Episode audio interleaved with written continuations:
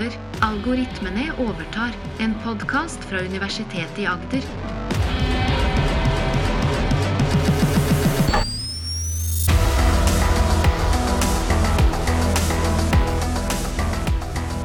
Du hører Maren og Morten snakke om kunstig intelligens.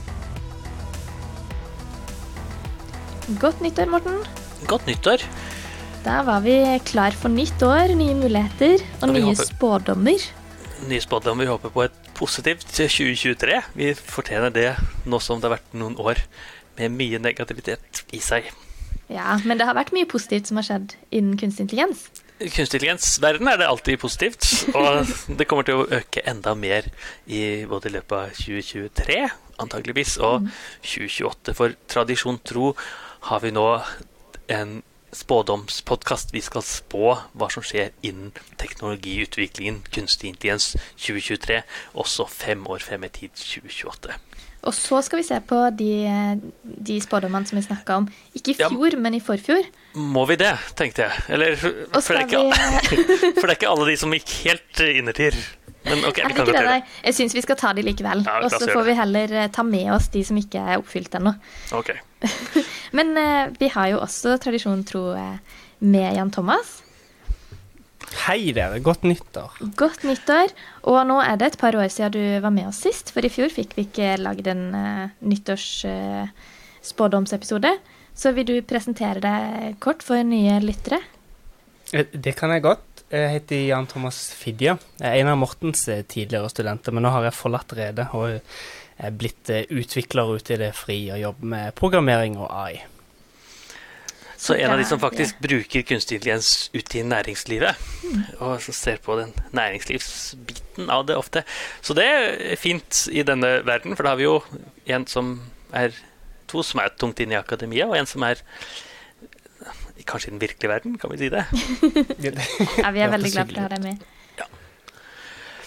Så det, jeg lurer på om vi skal først titte tilbake på de spådommene vi gjorde i 2020 og 2021. Vi slår disse sammen, og for de som er virkelig interessert, de kan høre på de gamle podkastene når vi spådde hva, når vi spådde Ja, der, så, tenker jeg. så hva, hva eh, har, spådda, har vi spådd da? Du hørtes ikke veldig positiv ut, at det var så mye som hadde gått igjennom.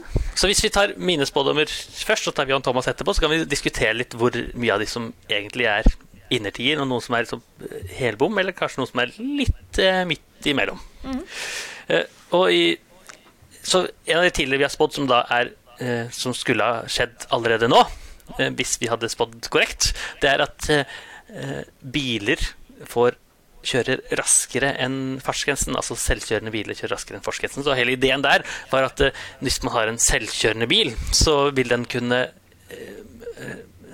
hvis den oppfører seg veldig trygt, eh, egentlig være litt raskere enn fartsgrensen. For det, selv om det ikke er lov, så er det det som skal til for at man skal kjøre trygt. For det, de fleste andre kjører litt raskere enn fartsgrensen. Men det har nok ikke skjedd. Det var ikke en treff. For de selvkjørende bilene er fremdeles litt langt eh, unna. Ja. Eh, Så vi har ikke noe selvkjørende bil som mitt meg bekjent, i hvert fall med viten og vilje, hvis man kan bruke den tanken, faktisk bryter fartsgrensen. Tror du at det fortsatt kommer til å skje, eller er det en sånn Nei, det blir det ikke noe av.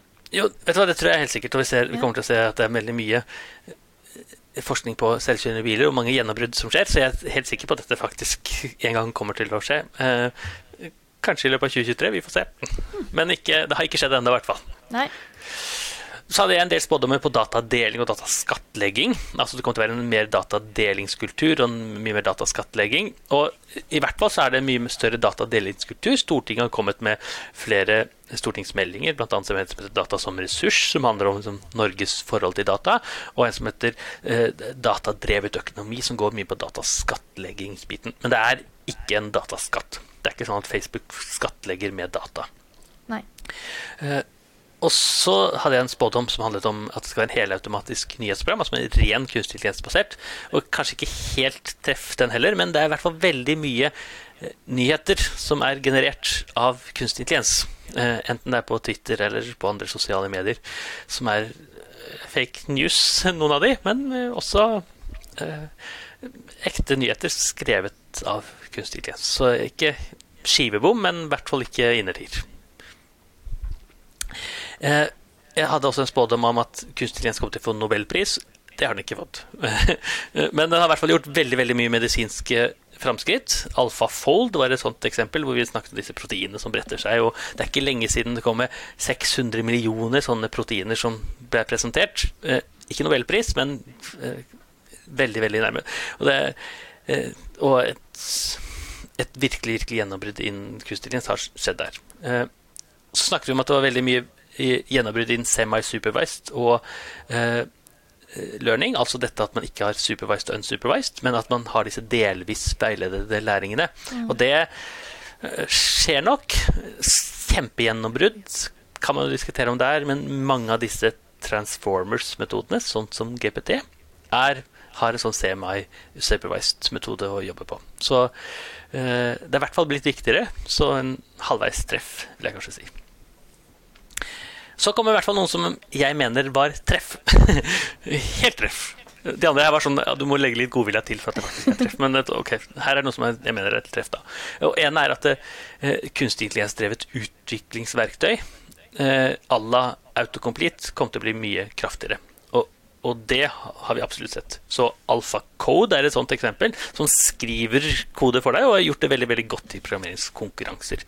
Så og det er en rekke sånne verktøy som er veldig veldig nyttige og gode, som kunstig intelligens faktisk eh, hjelper til med. Så en sånn autocomplete på steroider, den var en treff.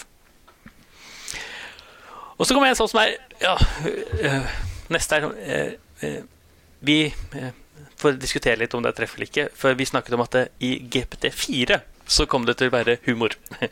Og GPT4 har ikke kommet enda, men det har kommet andre eh, chatbot-GPT-er, og chat-GPT, eller CGPT, er det nærmeste. Og den har jo til en viss grad en form for humor. Er du ikke enig i det, Maren? Ja, jeg vet ikke helt. Kan du gi oss et eksempel? Ja, da må du sette opp et, Vi kan jo be ChatGPT skrive en vits, hvis du hjelper meg til å sette opp et premiss. Så skriver Kan du skrive en vits om. Og så hva vil du ha høre litt om? Eh, svensken, dansken og nordmannen. Men, men må, vi må sette noe mer på premissene. Dansken og nordmannen. Dansken og nordmannen På tur i skogen. Mannen på tur i skogen som ser En um, Hva skal den se igjen, Thomas? Jeg syns at, eh, at, de kan se en elg i skogen. Ser en elg. Ja. Da har jeg skrevet inn. Kan du skrive vits om svensken hvis jeg klarer å skrive svensken riktig, svensken, dansken, nordmann på tur i skogen som ser en elg? Ai, da En error. Da prøver vi igjen. Ah. En error occurred. Uh, please contact ChatGPT. Uff da. Hva? Ja, det er kanskje humor eh, nok. Nå prøvde jeg en gang til, så får vi se, da. Ja. Eh, så vi må, bare, vi må bare Den genererer, så vi må bare gi den litt grann tid. Eh, vi får se. Så får vi Nå blir den da lest opp uten at jeg har lest den før. Svensken, dansken og nordmenn er på tur i skogen og sier, ser en elg. Svensken tar for sitt kamera og sier 'Hva fint! En elg at fota!' Som jeg da tar bilde av, tenker jeg. Dansken tar fram sin kniv og sier 'Hva godt! En elg at eta!' Som spiser. Nordmann tar fram sin mobiltelefon og sier 'Hva trist! Ingen takninger her ute, så jeg kan ikke dele mitt på noen sosiale medier'. Jeg har ikke noe nett, så jeg kan ikke dele det på sosiale medier. ja, hva er dommen? Hva er humor, Jan Thomas? Jeg syns det var veldig morsomt, men det spørs om det var vitsen i seg sjøl som var morsom. Ja, eller om det bare var... Men den har jo en premiss for vits, ikke sant? Svensken vil ta, øh, vil ta et bilde, dansken vil spise, og nordmann vil dele på sosiale medier, men det er ikke noe nett. Så liksom, ok, ja. kanskje litt banal vits, men øh, men vi kan uh, ta en sjekk på humor. Jeg, jeg, jeg tror, dette, dette, er bedre enn mange av de jeg har lest i kransekakevitsene som jeg fikk i jul. Det er et godt poeng. Ja, Enig. Det er sant. Så jeg vil si at humor Så kanskje den kunne gjort en stor business, eh, en god business innen kransekakevitser? Det kan, det kan nok være. Og jeg tenker det er mye igjen for å få virkelig morsomt, men den Og det er en av de tingene som overrasker meg mest med den chatgapen, at den faktisk har en sånn form for humor. For det er veldig veldig menneskelig og veldig veldig sosialt å forstå hva som er innafor og utenfor i en sånn humorsetting. Mm. Absolutt enig. Det begynner å bli komplekst nå. Det begynner å bli komplekst. Så, så, nå har vi tatt mine spådommer, som skulle allerede vært inntruffet i 2020 eller 2021. Og la oss si to fulltreffer og en del sånn bom, men noen litt halvveiser. Husker du hvilke spådommer du hadde i 2021? Ja, jeg, jeg, jeg tror det. Jeg, jeg, tror at 2021 og 2020 ble litt sånn snudd på hodet for min del, men vi kan godt uh, gå gjennom de. Um, jeg, tror jeg prata litt om at AI kom til å bli dyssa ned i 2020, uh, og at det ble mye mer vanlig å se AI i bruk i, i, i, bedrifter. Det var jo en veldig hype på den tida. Sant? Det var veldig nytt og veldig kult med, med store, nye AI-modeller. Det jeg, tror jeg fikk eh, litt rett og litt feil på den. Det var en hype som, som døde ut, men, eh, men, eh, det var ikke så veldig mye man så AI den gang i bedrifter. Det var fremdeles nytt og skummelt. Ja. Jeg vil si det er nesten treff der, altså, for det, jeg er helt enig. for det den tiden, i gamle dager, for to år siden, så, så var det jo snakk om levende roboter, og det var ikke måte på alt mulig snakk om kunstig gress. Men nå er det mye mer snakk om folk bruker det i praksis. Mm. Mm. Så jeg vil si at dette var en ganske god Ja, du skal få et sjekk på den. Jeg tror det. Riktig, få et sjekk på den. Så jeg, jeg, føler jo at det, i dag så har det jo inntruffet, så vi kan godt dra det fram til i dag. Um, og så prater vi, For den gangen var det vel GPT2, ja. eh, tror jeg. Jeg prata mye om kildekritikk. Det er jo en av mine sånne Jeg, jeg skulle ønske at Ola og Kari var mer kildekritiske. Um, og Da prata vi mye om konsekvenser. Jeg håpte jo at uh, algoritmer som GPT2 og nå GPT3 kom til å tvinge fram mer kildekritikk. Um, og det var her jeg snudde i 2021, hvor jeg på en måte så at Jeg vet ikke om jeg så så mye kildekritikk den gang, så jeg, jeg spådde vel at vi kom til å se mye mer deepfakes og, og bruk av GPT3-lignende algoritmer til sånn onde hensikter, da. Ja. Det, jeg vet ikke hva dere syns. Det, det, det, finnes jo eksempler hvor det blir brukt. sant? I, i type eh, phishing-angrep mm. og sånn, så, så, brukes disse algoritmene til å generere tekst som er mye mer troverdig. Ja, og phishing-angrep er jo sånn du sender en mail og ser vær så snill, klikk på den lenken, f.eks. Ja. Yeah. ja, og språket der har jo vært veldig dårlig, men nå begynner det å bli ganske godt. Ikke sant? Og ikke minst treff fra din nærmeste leder og fra Ja. Så Absolutt. På universitetet hos oss er det sånn at eh, rektor tilsynelatende sender ut meldinger, eh, som hun da selvfølgelig ikke gjør, for det er phishing-angrep. Mens for to år siden så var det mye en prins fra Nigeria som ville gjerne ha satt over 1000 kroner. Og den ser jeg mye mindre av. Så jeg syns jo og det, og det, er helt klart at disse phishing-angrepene som skjer på Messenger og andre steder, det er kunstig intelligensbaserte. Så, så i hvert fall at det er økt phishing, syns jeg. Og vi har blitt mer kildekritisk. Kanskje har vi det også. Det er litt vanskelig å måle. Det er dumt å komme med spådommer som er vanskelig å måle. Ja, eller så treffer uansett. eller så treffer uansett. Ja. Um, men så, jeg tror jeg trenger hjelp av deg, Morten, til å, til å uh, se om jeg fikk rett på den, den, neste jeg har her. For jeg, jeg tror jeg spådde at AI i løpet av 2021, um, og hvis du drar det helt ut til nå, ja. kom til å klare å resonnere. Altså AI-en vil kunne komme med en forklaring på hvorfor et valg ble tatt, og ikke bare ja, hvordan. Ja. ja, godt spørsmål. Der er det i hvert fall veldig mye forskning som handler om den hvorfor-biten. Og jeg, jeg, tror nok kanskje hvorfor ikke er helt løst. Men eh, Så vi har masse forskning som sier i hvilken sammenheng dette skjer. Så type, hvis du gjør en bildeklassifisering hvor hvilke piksler som er knyttet sammen, og så er spørsmålet om det er hvorfor eller ikke. Og jeg tenker jo kanskje at hvorfor betyr forklaring for allmennheten, kanskje. Så vi har jo eh, Vi forstår jo veldig godt hvorfor en kunstig intelligens sier at dette er en katt og ikke en hund.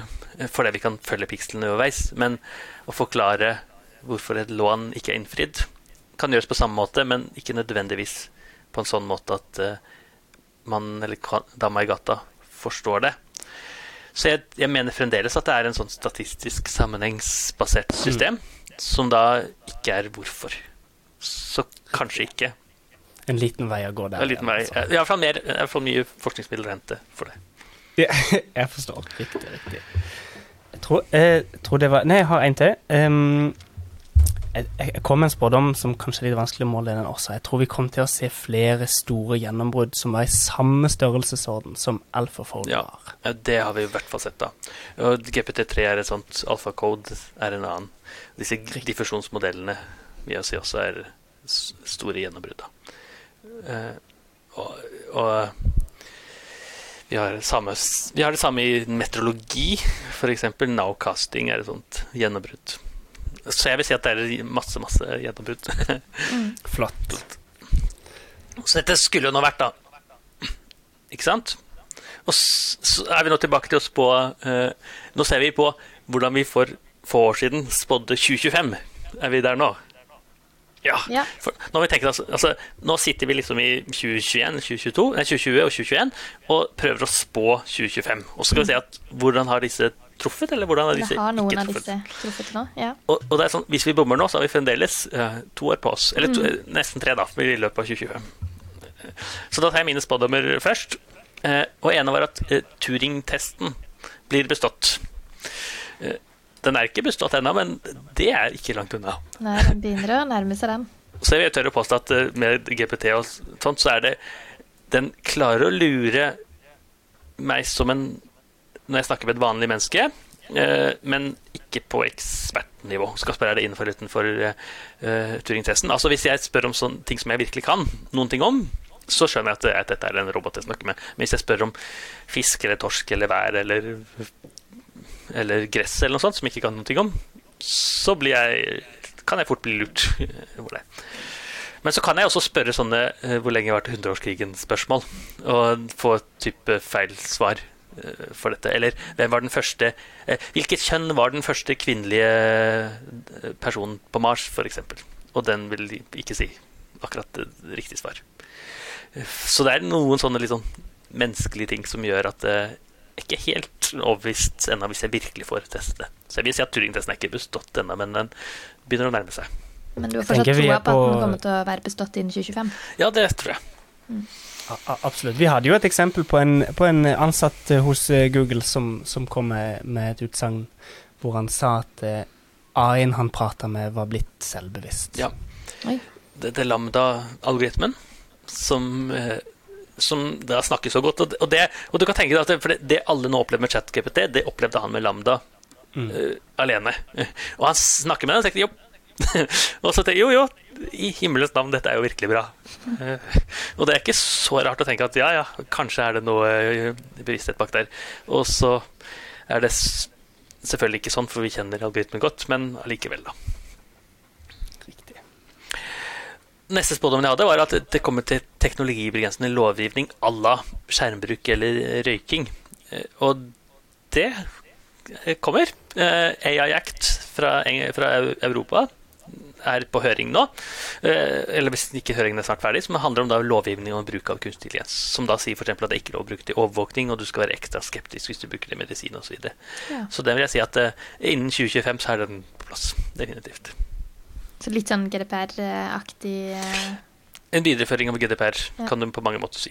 Eh, Som den handler om eh, Vi har en egen podkast om det som folk kan høre for en stund tilbake. Men hvor vi, det handler bl.a. om at det er noe som er eh, helt akseptabelt, noe som er absolutt ikke akseptabelt, og noe som er i mellomsjiktet. Og det mellomsjiktet setter ekstra krav, som at det skal være menneske i loopen osv.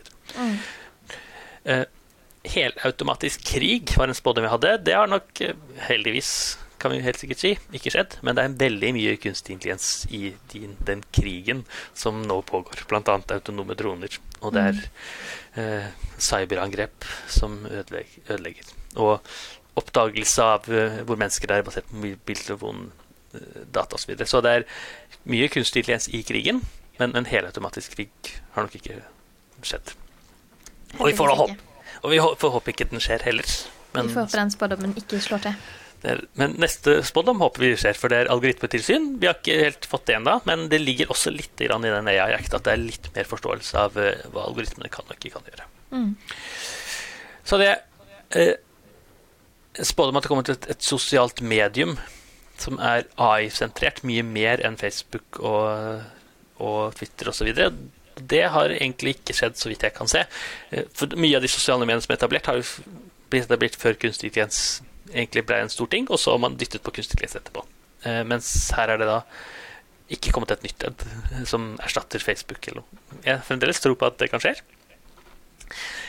Musk trodde at innen 2025 Han har egentlig endret litt nå, han sier 2029 nå, da. Men Han trodde at innen 2025 eh, kommer superintelligens. Eh, jeg tror ikke det. altså intelligens som er som på overmenneskelig nivå. Alle formål. Eh, Så der vil jeg si at jeg sier at det ikke har kommet innen 2025, er en treff. Også, og så- Enig.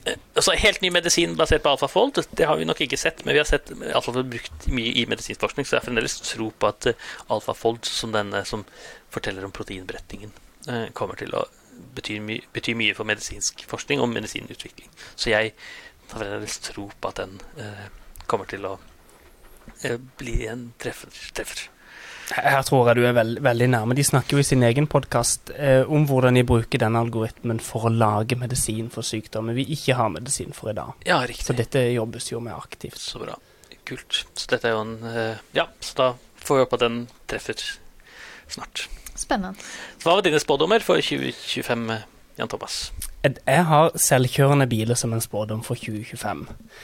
Um, og jeg syns det er litt vanskelig å si da om det kommer til å treffe eller ikke. Det, jeg syns jo det skjer veldig, veldig mye, og det, det, jeg syns også det skjer veldig fort. Um, men min bil som jeg har i dag, kan ikke kjøre seg sjøl.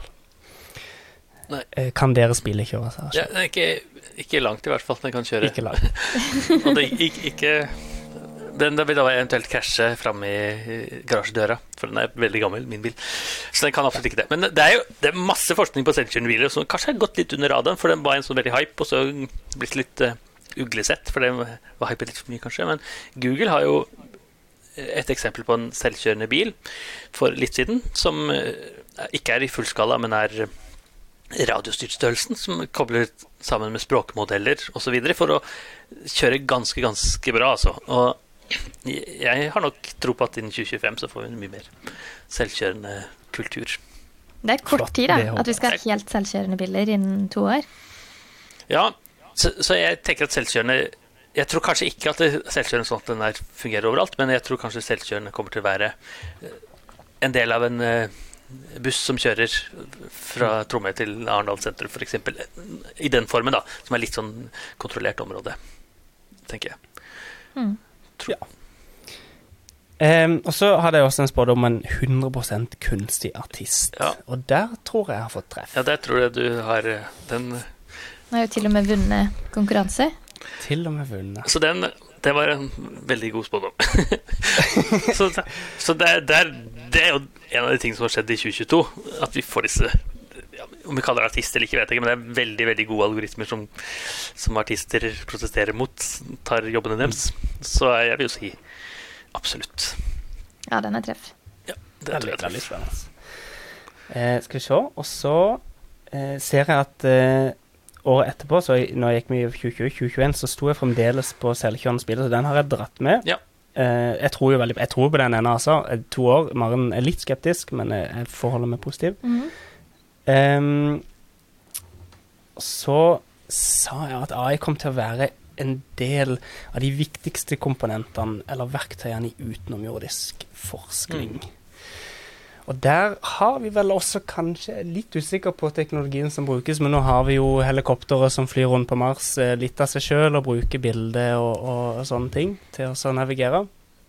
Veldig mye spennende som skjer her. Jeg vet ikke, Morten, har du noe innsikt? Ja, det veldig lite jeg er utenfor jorda, men eh, jeg tror Eh, Ja, jeg vet at kunstig intelligens er brukt veldig mye på disse uh, roverne, og egentlig alt Musk har hendene sine på her, kunstig intelligens- kunstig intelligens-basert. Så eh, jeg tenker at dette er nok ganske nærme, i hvert fall. Ja. Eh, om det er en viktig del av utenriksforskning? Ja, det må jo være det, hvis den kjører seg selv. Hvis helikopteret kjører av seg selv. Så er det en sentral del hvis ikke det hadde kunnet flydd. Så jeg vil jo si kanskje at dette er en i hvert fall en veldig nærme. Kanskje en ni av ti, da. Kanskje ni av ti. Og så kanskje litt definisjonsspørsmål også. Det, det brukes jo vet jeg, aktivt algoritme for å sortere de enorme datamengdene de får fra forskjellige teleskop, f.eks. For, eksempel, for å lete etter nye planeter og stjerner og sånt. Ja, ja, selvfølgelig brukes Så der er det jo veldig viktig. Ja, der er det jo i hvert fall treff. Eh, Mm. analy- bildeanalyse, egentlig. Mm. Absolutt. Nei, det var, så det var mine spådommer for 2025. Ja, så bra. Jeg syns det var mange som hadde slått til, og mye som er på god vei. ja, du var flinkere til å spå enn meg, vil jeg påstå, Jan Thomas. Er det, det, det var to år igjen, Morten. Ja, sant det. Men da er jeg veldig spent på hva dere spår for 2023. Ja, så da da kan jeg begynne jeg å spå mine 2023. Altså hva som kommer til å skje i neste år. Så når vi da neste år hører på podkasten, så har vi da gjentatt disse og ser hvem av de som er treff og ikke treff. Så jeg, jeg spår at GPT4 kommer. Altså ChatGPT er en variant av GPT3. Og det, det er ikke sånn veldig eh, vanskelig spådom, for det er annonsert at den kommer til å komme. Så det er veldig tydelig, da. Men jeg, jeg, jeg, tror den kommer til å være mye mer med storm enn det ChatGPT kommer til å gjøre. At den er mye, mye bedre enn en det som fins nå. Eh, for ChatGPT er jo basert på GPT3, som er nesten nesten to år gammel, og den nye kunstig intelligensen eh, kommer til å være veldig, veldig mye bedre. Og, eh, og, og så tror jeg OpenAI har lært en ting, at de ikke bare skal lansere den for oss forskere, men den skal åpne som en chatbot, sånn at alle kan få prøve den. og det kommer til å gjøre helt fra starten av, tenker jeg. Sånn at alle får lov å prøve den, la oss si om noen måneder. Uh, og så tror jeg den kommer til å ta verden med storm nok en gang, og jeg tror den kommer til å være basert på iterativ læring eller forsterkningslæring. For det, den roboten man snakker med nå, den er egentlig forhåndstrent, så du kan ikke trene den videre. Den blir ikke flinkere og flinkere. De samler data om deg, men så må de bestemme for å trene den opp. Jeg tror denne kommer til å bli sånn at man blir bedre og bedre og bedre og bedre til å finne ut en ny uh, finne ut hvordan man skal svare. Sånn at en elev som sitter og skriver, skal si nei, ikke sånn, ikke sånn, ikke sånn. Og så blir den bra på det. Og så neste elev som kommer, får da den, det gode svaret uh, med en gang. Ja, det er jo veldig fint hvis den kan lære underveis ja. og oppdateres. Så skal vi ta annenhver spådom, Jan Thomas, hvis du tar en spådom eh, nå? Ja, det, det, kan vi godt. Eh, I, i, i lys av GPT så, så, tror jeg at allerede til neste år så tror jeg at vi kommer til å se endringer hvordan eh, skole og universitetet må gjennomføre eksamen. Ja. Rett og slett. Um, om, om, det blir en full, full endring, altså at, det, at det, eksamen ikke lenger er det samme som det noen gang har vært til neste år, kanskje ikke, men, men vi kommer til å se at det blir, det blir tvungen inn endringer for å håndtere disse typer verktøy. Jo, det er vel nesten underveis allerede. Så uh, universitetsverden går tregt, men jeg også tror dette det høres som en kjempegod spådom. men, men, ja, for det er de nødt til. For, for disse verktøyene er jo så gode at de kan jo skrive stiler for deg, osv. Så en god spådom, vil jeg si. Men apropos eh, GPT, kommer det til å være på samme måte brukes som en chatbot, eller er det andre typer steder vi kommer til å se ja. den nå i nærmeste fremtid? Sånn? Så GPT3 har vært brukt veldig mye, eh, mm. men det har vært, vært, forbeholdt de som har giddet å installere den, egentlig, og få brukt den. Eh, og, og da kreves det litt kompetanse, men så bare gå på nettside kreves det mye mindre kompetanse. Så jeg, så jeg, tror at det kommer til å være som en chatbot, men det kommer til å være veldig mye mer. Det kommer til å være f.eks. at du La oss si NRK bruker den til å skrive nyhetsartikler. Mm. Universitetet bruker den til å skrive forslag til uh, studieplaner. Eller hva enn du har lyst til, egentlig. Men litt i samme form som det vi ser nå, for allmennheten, tenker jeg på da. Ja. Det kommer til å være både for forskere og for allmennheten. For jeg tror ikke ja, de kommer til å glemme, glemme forskere. For nei, hva de kan bruke den til, og hva de ikke kan bruke den til. Sånn at vi får testen. Men jeg tror de har nok skjønt at uh, hypen kommer opp med allmennheten. Så ja, jeg, det kommer til å være en sånn chatbot, tror jeg, da. Ja, mm. Mm. ja og din neste spådom? Jeg tror Min neste er at tale- og videogenerering kommer til å bli enormt mye bedre. Så vi har jo da sett bilde og vi har sett tekst, eh, og så ser vi liksom eh, snurten av video som blir laget av lignende type modeller. Og jeg tror, som vi så en gjennombrudd med Midnight Journey og Dali, kommer vi til å se med video snart. Vi har Google Imagine som lager videoer, men det er også liksom, der ser du helt tydelig at dette er ikke laget av et menneske, for det er en elefant som plutselig blir en sjiraff sånn halvveis før den bommer litt. Mens mm. den type forskningen kommer til å bli veldig mye bedre, og, og samme gjelder tale. At jeg kan liksom generere en helt ny tale. Og det betyr jo egentlig at jeg kan lage en helt egen video, kort video med tale og lyd og Bare med å skrive inn en tekst? Ja, lag meg en liten kort snutt promosjonsvideo mm. for universitetet. Men jeg vil gjerne ha fokus på bærekraft og teknologi. Altså, ja, ikke sant. og det tror du i 2023, i år? Ja, at det kommer til å bli enormt mye bedre. Ja. At det kommer til å bli så godt at det faktisk har en, sånn, en nytteverdi. Sånn som ja. altså, Jeg tror ikke man kan lage en helt spillefilm på to og en halv time, men en sånn en liten videosnutt. En kort tominutters video ja, som for, er godt fungerende? Nettopp. Mm. Ja. Hva tenker du om det, Jan Thomas? Ville du brukt den? Jeg, jeg, tenker at Morten, Morten er spot on, og, og, litt i lys av det, av det han spår, så, så, litt sånn i, i den dystre, sant. Det er veldig lett å se på alt det kule som dette kan gjøre, og så er jeg litt sånn Jeg tenker litt på at må være litt forsiktig så ikke det havner i feil hender. Det, så en av mine spådommer for 2023 er at AI, eh, nettopp pga. at det blir så bra til tale, videobildegenerering og tekst, er at det blir brukt som verktøy i en propagandamaskin. sant? Litt sånn dagsaktuelt nå med, med Russland, og, og, så har du Nord-Korea og sånn. Men det, disse verktøyene er jo kjempekraftige hvis, hvis de blir brukt til sånne ting også. Som en del av propagandaverktøy, ja. Mm. Mm. Det er også noe kanskje vi ikke håper, men kanskje. Du håper ikke det? Ja. Men jeg, jeg, jeg, tror nok vi vil se at det går litt den ikke, veien. Også. Ikke, ikke dumt, tror jeg. Og det, da må vi være ekstra påpasselig. Eh, Norsk, Norges myndigheter og andre lands myndigheter, selvfølgelig.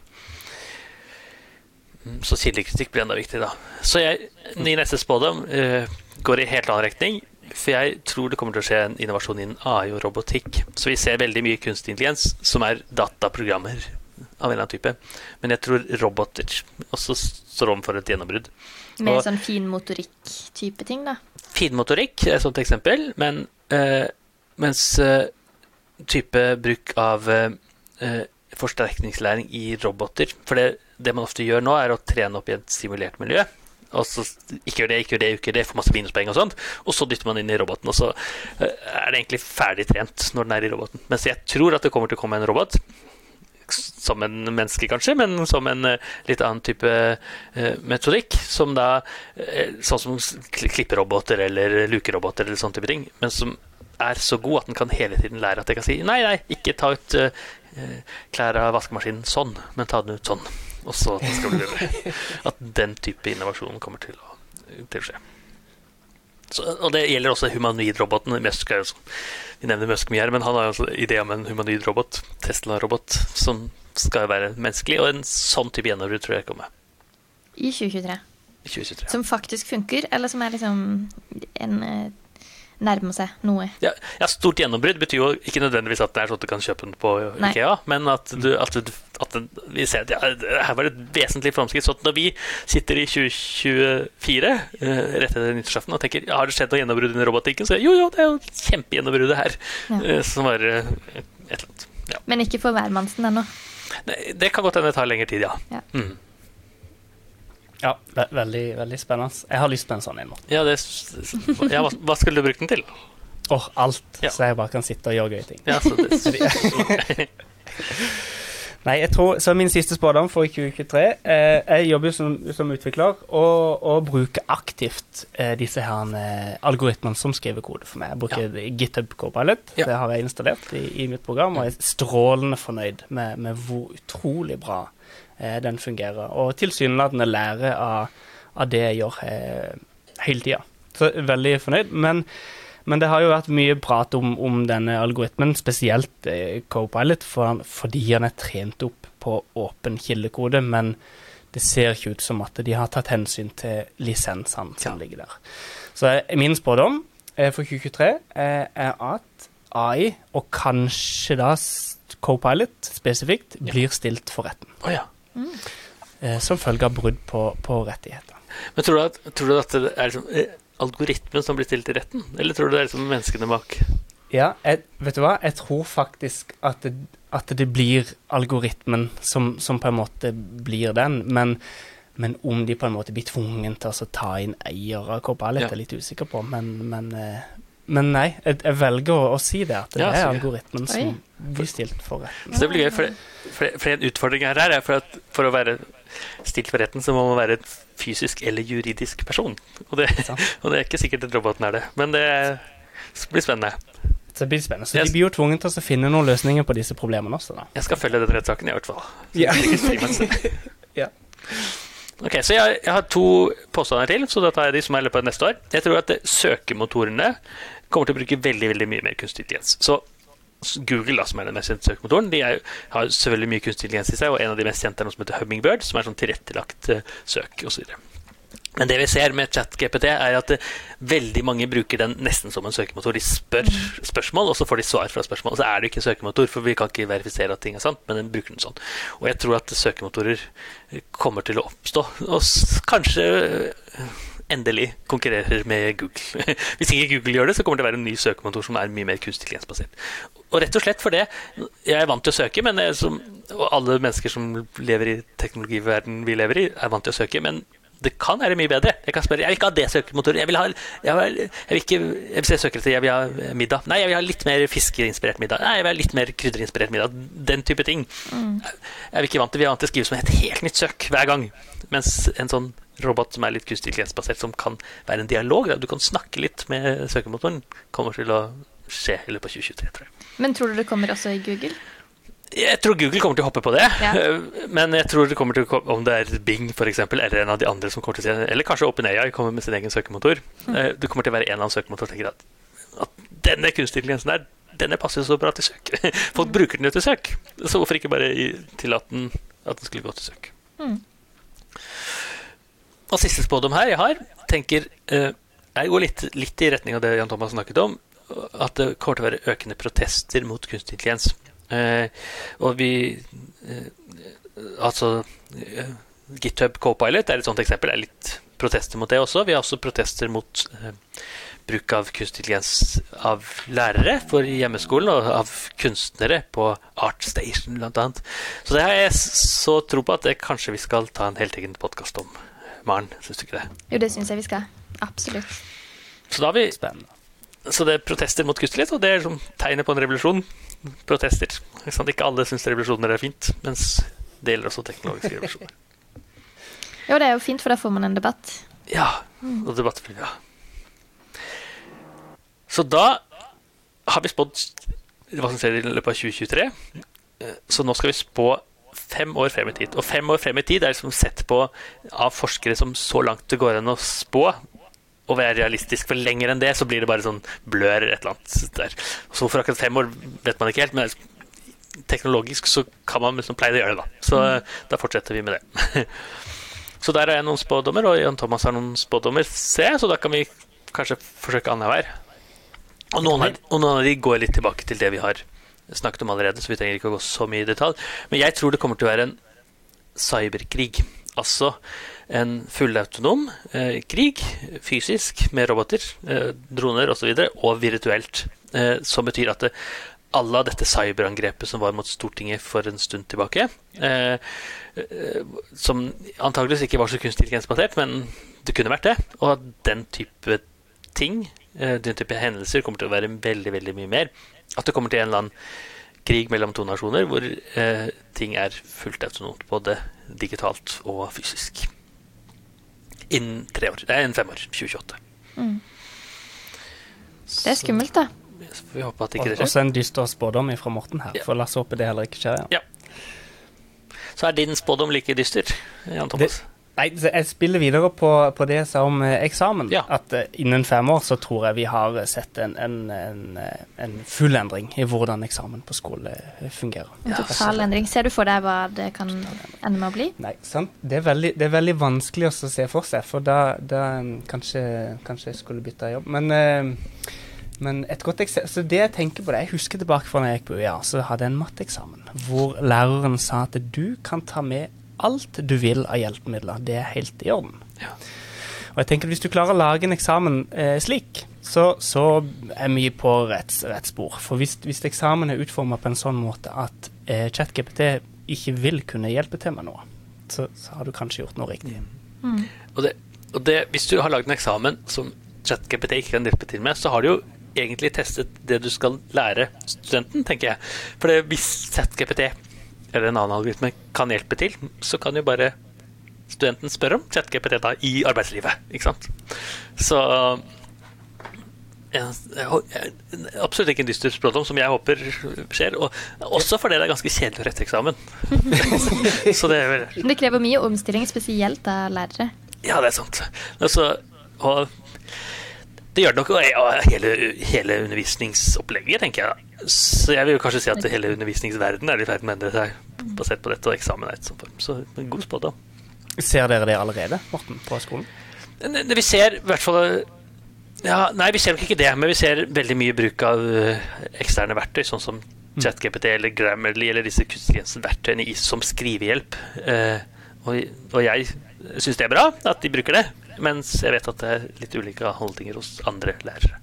Ja, riktig. Spennende. Men tror dere at endring i eksamen også kan føre til at vi ikke har eksamen mer? At det kun er underveisvurderinger og prosjektarbeid og gjennom Det blir jo være litt forskjellig i forskjellige fag, selvfølgelig, men, men at det ikke er eksamen sånn som vi kjenner den i dag. Det, det kan jo godt være. Jeg, jeg tenker kanskje Jeg vet ikke om, om muntlig, muntlig eh, forsvaring av det du driver med, og kanskje ville ha en mye Mm. større plass da. Mm. Det, det tror jeg også er muntlig Presentasjoner og forsvaring. Mm. forsvar, ja. Og så- og så og, og underveisvurderinger vil være et sånt eksempel hvor man kan vurdere. For det poenget er, som lærer er jo ikke den, å få elevene til å bli gode til eksamen. Poenget er å få dem til å lære. og så er, er eksamen en måte å lære om de har lært. Ikke sant? Og at det plutselig nå er litt vanskeligere å gjøre eksamen, en vanskeligere måte å lære at de har lært på. Det Betyr ikke at man ikke skal lære de å lære, for, men det er bare at det, å vurdere om de faktisk kan oppnå målet, blir vanskeligere. Og da tenker jeg muntlig eksamen kan være en variant, eller, eller andre former for vurdering. Eller jeg er ikke sikker man trenger vurdering for alt heller. Nei, for det tenker jeg litt at kanskje ikke man trenger vurdering på samme måte som vi har i dag. Og så kan man heller eh, lage, altså vise resultater av ting man har gjort i prosjektarbeid, og ting man kanskje kan vise på et jobbintervju, og ha en helt annen måte å tenke rundt det. Ja. At vi ikke må ha den tradisjonelle karaktereksamenstankegangen, da. Det er kanskje ikke så viktig for en arbeidsgiver. Nei, nei, og, og rett og slett også fordi eksamen er en veldig kunstig situasjon. Mm. Her, i løpet av disse tre timene og 45 minuttene, så skal du spytte ut et eller annet. Vise alt du kan. Ja, Ja. Så har du en dårlig dag, og så er alt ødelagt, eller Ja. Mm. ja. Og, og det gjelder jo også for muntlig eksamen. Mm, absolutt. Ab absolutt. Så, det, så en god Ja. spådom. En spennende spådom. Absolutt. Så min spådom, neste spådom går også ut på arbeidslivet. Og jeg tror eh, selvkjørende biler, som vi har snakket om allerede i denne podkasten, kommer til å bli mye mer vanlig. Og jeg tror at det kommer til å bli så vanlig at vanlige mennesker kommer til å bruke selvkjørende biler som en del av jobben sin. Og det betyr f.eks. en bussjåfør eh, har en sånn selvkjørende bil. Eller en som kjører en truck på et lager. Men du tror fortsatt det er bussjåfører og en som kjører truck. Jeg tror ikke det er sånn at alle mennesker har en selvkjørende bil. eh, Men jeg tror de kan være ganske mye mer autonome. Men jeg tror de kan være veldig eh, Altså ikke perfekt autonome, nivå fem, som vi ofte snakker om er fullautonomt. Men jeg tror at det i kontrollerte miljøer kommer det til å være helt, helt vanlig å ha selvkjørende biler av forskjellige typer. Og at det kommer til å bli vanligere å ha det hjemme. At jeg kan kjøre fra fra hjemmefra til jobben, f.eks. For, eksempel, for der kjører jeg hver dag. Og at jeg har trent den opp liksom 20 ganger, og så tenkte jeg ja, nå kan du det, vær så snill. Nå kan jeg lese. Ja. Ja, enig. Så min neste er at uh, AI blir en naturlig del av de aller fleste yrker. Ja. Eksempler på det kan være lærere, som vi just snakka om, Ja. som bruker AI til å rette eksamen. Eh, Det kan være lege som bruker AI til å se på bildet eller lytte på hjertet istedenfor å gjøre det sjøl. Det, det tror jeg også. For da er er det litt som datamaskin eller internett, liksom, som er en del av veldig veldig mange yrker. Nesten alle. Eh, og kunstig intelligens gjør det. Så den eh, Du er ikke alene om den spådommen, eh, Jan Thomas. Det så bra. Jeg, min neste spådom går i en annen retning, og den går på eh, selvskrevne bøker. Eh, altså, jeg vil ha en bok om et tema, eller en tekst eller en nettside eller et eller annet om et tema. Eh, også skjønnlitterær, men at den skal være skrevet av kunstig intelligens. Altså, jeg vil si Jeg vil gjerne ha en eh, bok om uh, middelhavskulturs vegetariske retter, f.eks. også. Pling, så har du den på plass. Eller jeg vil gjerne ha en bok som har litt eh, science fiction i seg, men ikke drager. Og jeg vil at den skal være spennende på slutten, men eh, eh, ingen skal eh, dø før den skal være skrevet for ungdom. Type ting. Eh, og så bare Ja, vær så god, her er boken. Uh, og på en Kindle eller et eller annet sånt type, type verktøy. da. Og du tror den er god nok til at da trenger den ikke gå gjennom flere instanser? Ja, det tror jeg. sånn at det at det kan være på høyde med kanskje ikke de aller beste litterære verkene, men nok til da, at jeg kan, eh, at jeg kan eh, leke meg og synes det er, få, få nytte av å lese den. Både skjønnlitterært, men også vel så mye faglitterært, da, som vi nesten er i ferd med å se. Sant? Faggenererte tekster. Mm. Det, det var veldig spennende. Det, det kunne kanskje hjulpet meg til å bli flinkere til å lese bøker. Med. Ja, jeg du får, du får akkurat den interesseområden du har. Og det, og, det kan jo. Mm. og det kan jo hjelpe på leselysten for alle, alle barn også. Ikke sant? For har du akkurat det temaet som du er interessert i. Kanskje er det liksom eh, Pokémon eller et eller annet. Jo, jeg vil gjerne ha Pokémon, men i, som eh, går på svømmetrening, for det er de to tingene jeg er interessert i. ikke sant? Ja. Skal vi se, så min neste går litt eh, Det er sånn, går litt på meg sjøl. Tilbake til disse verktøyene jeg bruker når jeg eh, koder. Jeg tror faktisk at i løpet av fem år så vil mitt eget yrke som utvikler det vil endres helt fundamentalt. Eh, kodere vil ikke lenger kode. Så min jobb vil ikke være å sitte og skrive kode, men mye mer å og på en måte løse problemene på forhånd, og, og beskrive problemene for eh, en AI, som da skriver koden for meg. Programvareutvikling er én ting, altså. Ja, ja. Så jeg, jeg kjøper den. For det, vi har for det, og det vi har sett med programvareutvikling, koding, seneste året, alfakode, og, og, men også verktøy som, som Copilot, som du snakker om, betyr mye, altså. Så jeg tenker eh, dette er et yrke som er i endring. Men det betyr at vi må hele programmeringsundervisningen som vi har, Mm. bør kanskje endres litt på. Ja, undervisning. Men det kan være lurt å gjøre Det Det er kanskje ikke noe eh, poeng i å skulle lære å kode mer? Ja. Det er jo fint da å kunne gå inn og endre og rette og forstå det som kunstig intelligensen har generert for deg, da. Jeg, Det jeg, tror jeg, jeg blir veldig viktig lenge, ja. Mm. jeg, jeg tenker på det samme måte som skrive. Ikke sant? Det det er poeng å kunne skrive, eller kunne regne gangetabellen, selv om du har verktøyene som gjør det. Men for det å forstå hva koding gjør, og når det er en bug, f.eks. hvordan du fikser det, sånne ting, Absolutt. tror jeg. Jeg, jeg spår noe som ikke betyr for kodeverden, men som betyr noe for helse. Jeg tror nanoroboter kommer til å få veldig mye mer kunstig intelligens. Og jeg vet at eh, det er lite kunstig intelligens i nanoroboter. Nanoroboter er sånn bitte, bitte, bitte, bitte små roboter som kan, du kan svelge de eller få de inn i blodprøve eller noe sånt, og så kan de reise rundt i kroppen, og så kan de f.eks. sende inn medisin i nyra, for det er der du har problemer, ikke sant, eller noe sånt. Det er på taket da. Ikke hvis jeg tar en pille, så, så har jeg Paracet for hele kroppen, men her er akkurat det som passer for nyrene mine, som er i problemet, f.eks. Er det i bruk i dag? Det, det finnes masse sånne nanoroboter, men de er veldig simple. Og de brukes til For ett eksempel hvor det brukes, er jo analyse av eh, tarmen. Du svelger et lite kamera, og så tar den bilder i tarmen istedenfor at du får en slange opp eller ned eh, et sted. Så da er mye mer behagelig eh. Men jeg tror at dette kommer til å skje At kunstig kommer til å hive seg på der. Altså F.eks. at du får en sånn nanorobot som svømmer, og så finner den akkurat hjertemedisinen din, for den skal injiseres akkurat i hjertet, eller blodåren din eh, skal utvides akkurat der det er litt grann, eh, oppbygging av eh, veggen som skjer problematisk. ikke sant, Fett i veggen. og sånn. Sånne type ting kommer nanoroboten til å bli veldig, veldig, veldig god på. Med kunstintelligens, håper jeg. Og så, Injisere medisin og sånn, eksempel, men lete etter svulster et sånt annet eksempel. Liksom. Kan kanskje svømme mellom alle cellene og si jo, akkurat her er det en eh, svulst, eller begynnende svulst, som vi kanskje skal ta så tidlig som mulig, sånn at vi slipper å få store problemer om, om eh, noen år. Veldig spennende.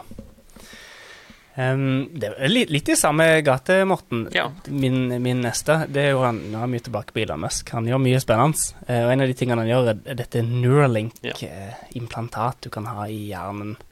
Og jeg tror at i løpet av fem år så har ikke bare har vi fått et implantat, men det har også innebygd AI. Så tenk dere hvis dere kan ha ChatGPT5 i Ja, ja. hjernen. Ja, rett på, rett på Rett. Så det trenger man ikke skrive inn noe engang, man kan bare tenke det, er det sånn? Du kan bare tenke. Oi. Jeg, jeg, jeg tror dette, for dette går fort. Jeg tror allerede de er i gang med å skulle begynne å tenke på å teste litt, men det er jo mye mer til sånn eh, medisin og slike ting til å begynne med. Men i løpet av fem år så tror jeg nok kanskje Oi. vi kan. Ja, det er kjapt, syns jeg. Så kult. Mm. Nei. Jeg har heller lyst på utviklerverktøy enn Neuralinken, tenker jeg da, hvis jeg kan velge. Men, men, men altså, eller hvis noen har testa det først, et par ganger, så eh, Ja. Bare et par ganger, så er du eh, jeg skal være ganske sikker på at det er riktig. Nei. Ja. for verken de grisene eller apene som Nura har Neuralink nå, lever lenger eh, av- på grunn av infeksjoner osv. Så, videre. så det er eh, Den bør være testet nøye før jeg prøver, i hvert fall. Ja. ja. Så det, og jeg, min siste spådom er også innen helse. Eh, og jeg tror at genetikk og kunstig intelligens kommer til å bli slått sammen. Så mye mer enn det gjør nå. Så vi, vi har en helt annen teknologi som ikke har noe med kunstig intelligens å gjøre, som heter CRISPR, som gjør at vi kan klippe og lime i genene. Jeg kan jo klippe ut en del av genet mitt, og, eh, eller embryos gen, og så kan jeg lime igjen en del annet. Det er masse eksempler hvor man har eh, Et eksempel er at man har fjernet muligheten for hiv-infeksjon, f.eks., har gjort hos noen mennesker. og man har brukt CRISPR til å gjøre noen planter mer levedyktig i kaldere strøk, sånt, men det er manuelt basert, egentlig. Så jeg vet at dette genet er dette. Det betyr dette, og jeg kan klippe det og lime det med ekspertise. Men eh, kunstig intelligens kan jo lese genomet, DNA-strukturen, og si at jo, akkurat her er det et eller annet som kanskje betyr et eller annet for din evne til å få depresjon, f.eks. Og CRISPR kunne jo da kanskje klippet og limt sammen med kunstig intelligens, eh, sånn at vi kunstig intelligensen finner ut jo, dette, eh, denne delen av planten din eh, tåler ikke kulde, eller denne delen av planten din er altfor søt, eller denne delen av vinen eh, skaper litt for mye ettersmak. Og så kan kunstig intelligensen gjøre det, og så kan CRISPR hjelpe til å klippe. Så jeg tror ikke at det er sånn at vi får et verktøy som kan genredigere mennesker perfekt innen 2028, men jeg tror at det kommer til å merge inn, sånn at vi får en kunstig intelligensbasert CRISPR-genredigeringstype teknologi først for planter, og så for dyr, og så for mennesker litt senere. Jeg ville tro jeg ville hatt, For eksempel så ville jeg latt uh, tomatene tåle kulde, så jeg kan vokse de i Norge, eksempel. Ja. Det går jo Hadde tomater. faktisk tomater ute på Vi har uh, innglassert balkong. Hadde tomater siste ble plukka i desember. Ja, nettopp. Det er riktig. Altså, kanskje ikke akkurat tomat. Men vannmelon, da. Eller ja. Jordbær hele året og sånn. Ja, ja, ja for eksempel. Ja. Han, han kommer Urter som tåler alt og ja desemberjordbærene. Ja, ja, julejordbærene, f.eks. Mm. Ja. Som er like gode som uh, de på sommeren? Ja, ja, og de kan være enda bedre òg, fordi den søtsmaken eller umami-biten som er en del av jordbærene, kan være uthevet, f.eks. Ja, det er ikke dumt. Det hørtes veldig deilig ut, dette. Ja. Mm. Så har du en spådom til, eh, Jan Thomas? Ja, skal vi gå tilbake til Turing-testen? Ja. Tror vi ikke at i løpet av 2028 så har vi klart den, Morten? Jo, det tror jeg absolutt. Både mm. for, men, for, men for alle sammen, tenker du? Nei, men, men også Så, så for, for, eksperter også, ikke sant. Så, så ikke, ikke, det at eh, vi som, som, kan teknologi, vil kunne sette oss ned og, og, bli lurt. Ja. Men du tror altså at det tar litt lengre tid enn Morten tror? For du tror, Morten, at er, dette er løst innen to år? Mens Jan Thomas, du tenker nei, vi må fem, fem år på dette. Jeg, jeg tenker at, eh, at, eh, vi må ha en failsafe, så hvis Morten ikke klarer det, så er det mest som får poeng. ja, det var litt. Jeg ser du har en spådom til, Jan Thomas. Jeg har en spådom til. Siste spådom. Eh, jeg tror at i løpet av 2028 så er det eh, veldig vanlig, kanskje mest vanlig, at vi gjør helse med AI før vi går til legen. Ja. I form av automatisk. Vi sender bildet til en AI, og så blir det får vi kanskje en diagnose, eller blir henvist, eller et eller annet. Nettopp. Jeg, jeg, tror det. For det er den første konsultasjonen, da. Altså ja. førstelinjen, egentlig. Ikke er hos fastlegen, men hos en kunstig kanskje. Absolutt. Og så blir det mye mer vanlig sant? Med, med mer personlig behandling. Ja. At, at algoritmen vet hvem du er, og, og bruker det i, i diagnoser. Mm. Mm. Men at det skjer før du går til lege, ikke motsatt rekkefølge? Nei, at det skjer før. Det er det første du gjør. Mm. mm. Og så, så kanskje, kanskje AI-en henviser deg til lege. Kanskje det er sånn ja. det virker. At mm. nei, dette er ikke noe å bekymre seg for, så bare Eller ja, her trenger du en prat med legen. Ja, interessant. Og kanskje dette er en del av løsningen av fastlegeproblemet som er i ferd med Norge. Som er færre og færre fastleger. Eh, og jeg har forstått mye av behandlingen er jo sånn ja ja, eh, se det litt an. Ikke sant? Ja. og disse se det litt an eh, kunne jo vært en kunstig som filtrerte ut. Mens de virkelig alvorlige tingene trenger man sikkert en lege for uansett. Så en, en måte å få, det, få en bedre hverdag for oss pasienter, men også for legene, som kanskje får enda bedre tid. Men jeg tror at innen fem år så stoler vi nok på kunstig intelligens til at vi ikke også må ha en prat med lege for å være sikre. Ja. Det, det, kanskje, det, kan, det kan nok godt være at, at noen leger burde være involvert i luppen eller ikke, men eh. det, det, er nok en liten psykologisk runde der, for det er mm. veldig betryggende å gå til en lege og si jo ja, du er helt frisk, mm. tenker jeg. Ja, jeg tror det er noe med det menneskelige aspektet der som eh, ja, kan være vanskelig å ta bort. Men det kan godt være at det blir mer en del av legens arbeid enn, en noen gang, da. Ja. Som en konsekvens av dette. Mm. jeg har hørt mange leger snakke, og den teknologiske revolusjonen har uteblitt fra legekontorene. Det er ikke så lenge siden de fikk uh, f.eks. en felles måte å bestille legetimer på, som er liksom vant fra mm. alle andre bransjer. ikke sant? Du måtte ringe til en, en resepsjonist, og du måtte styre ordne uh, hos mitt legekontor i hvert fall. Mens nå det, kan du gjøre det på Helsenett eller noe sånt, hvor du kan mm. bestille legetime. Det, så jeg tror det er masse behov for uh, teknologi hos legekontoret, og jeg håper inderlig at den spådommen uh, er sann. Har du noen spådommer, Maren, på tampen? Ah, nei, nå syns jeg det har vært så mye spådommer. Ja. så, så, nå er jeg bare spent på hva som uh, slår til. Om vi skal være neste år uh, stolte av spådommene, uh, eller om vi med litt klump i magen må si at det ikke gikk så bra i år. Hvilke disse spådommene vil du, hvilke har du mest ønsker du at det skal være en del av din hverdag? Ja, oi Ønsker det skal være en del av min hverdag. Alt som kan gjør ting eh, bedre og mer eh, sikkert og eh, og ja, øke Altså man kan bruke tid på andre typer ting enn sånn kjedelige, ja. kjedelige oppgaver. ja. Så som en ikke pendler, men som reiser mye, så kunne jeg tenkt meg en selvkjørende bil. Ja. Det er den jeg ønsker meg aller mest. Det er den du ønsker aller mest, ja.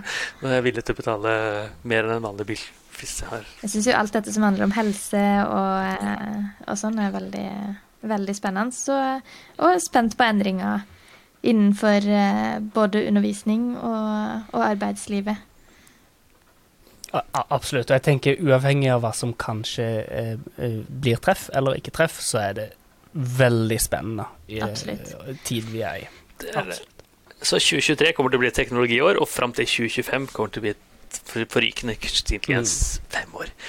Så 2028 år, ja. Mm. 2028 var det egentlig ja. 2028, 2025 også. Årene fremover kommer til å bli teknologipreget. Og veldig spennende. Veldig Men tusen takk, Jan Thomas, for at du var med. Og så kan vi bare oppfordre lytterne til å sende sine egne spådommer, og så kan vi ta de opp. Ja. Og ja, selvfølgelig takk, Jan Thomas. Og takk til alle som hører på oss.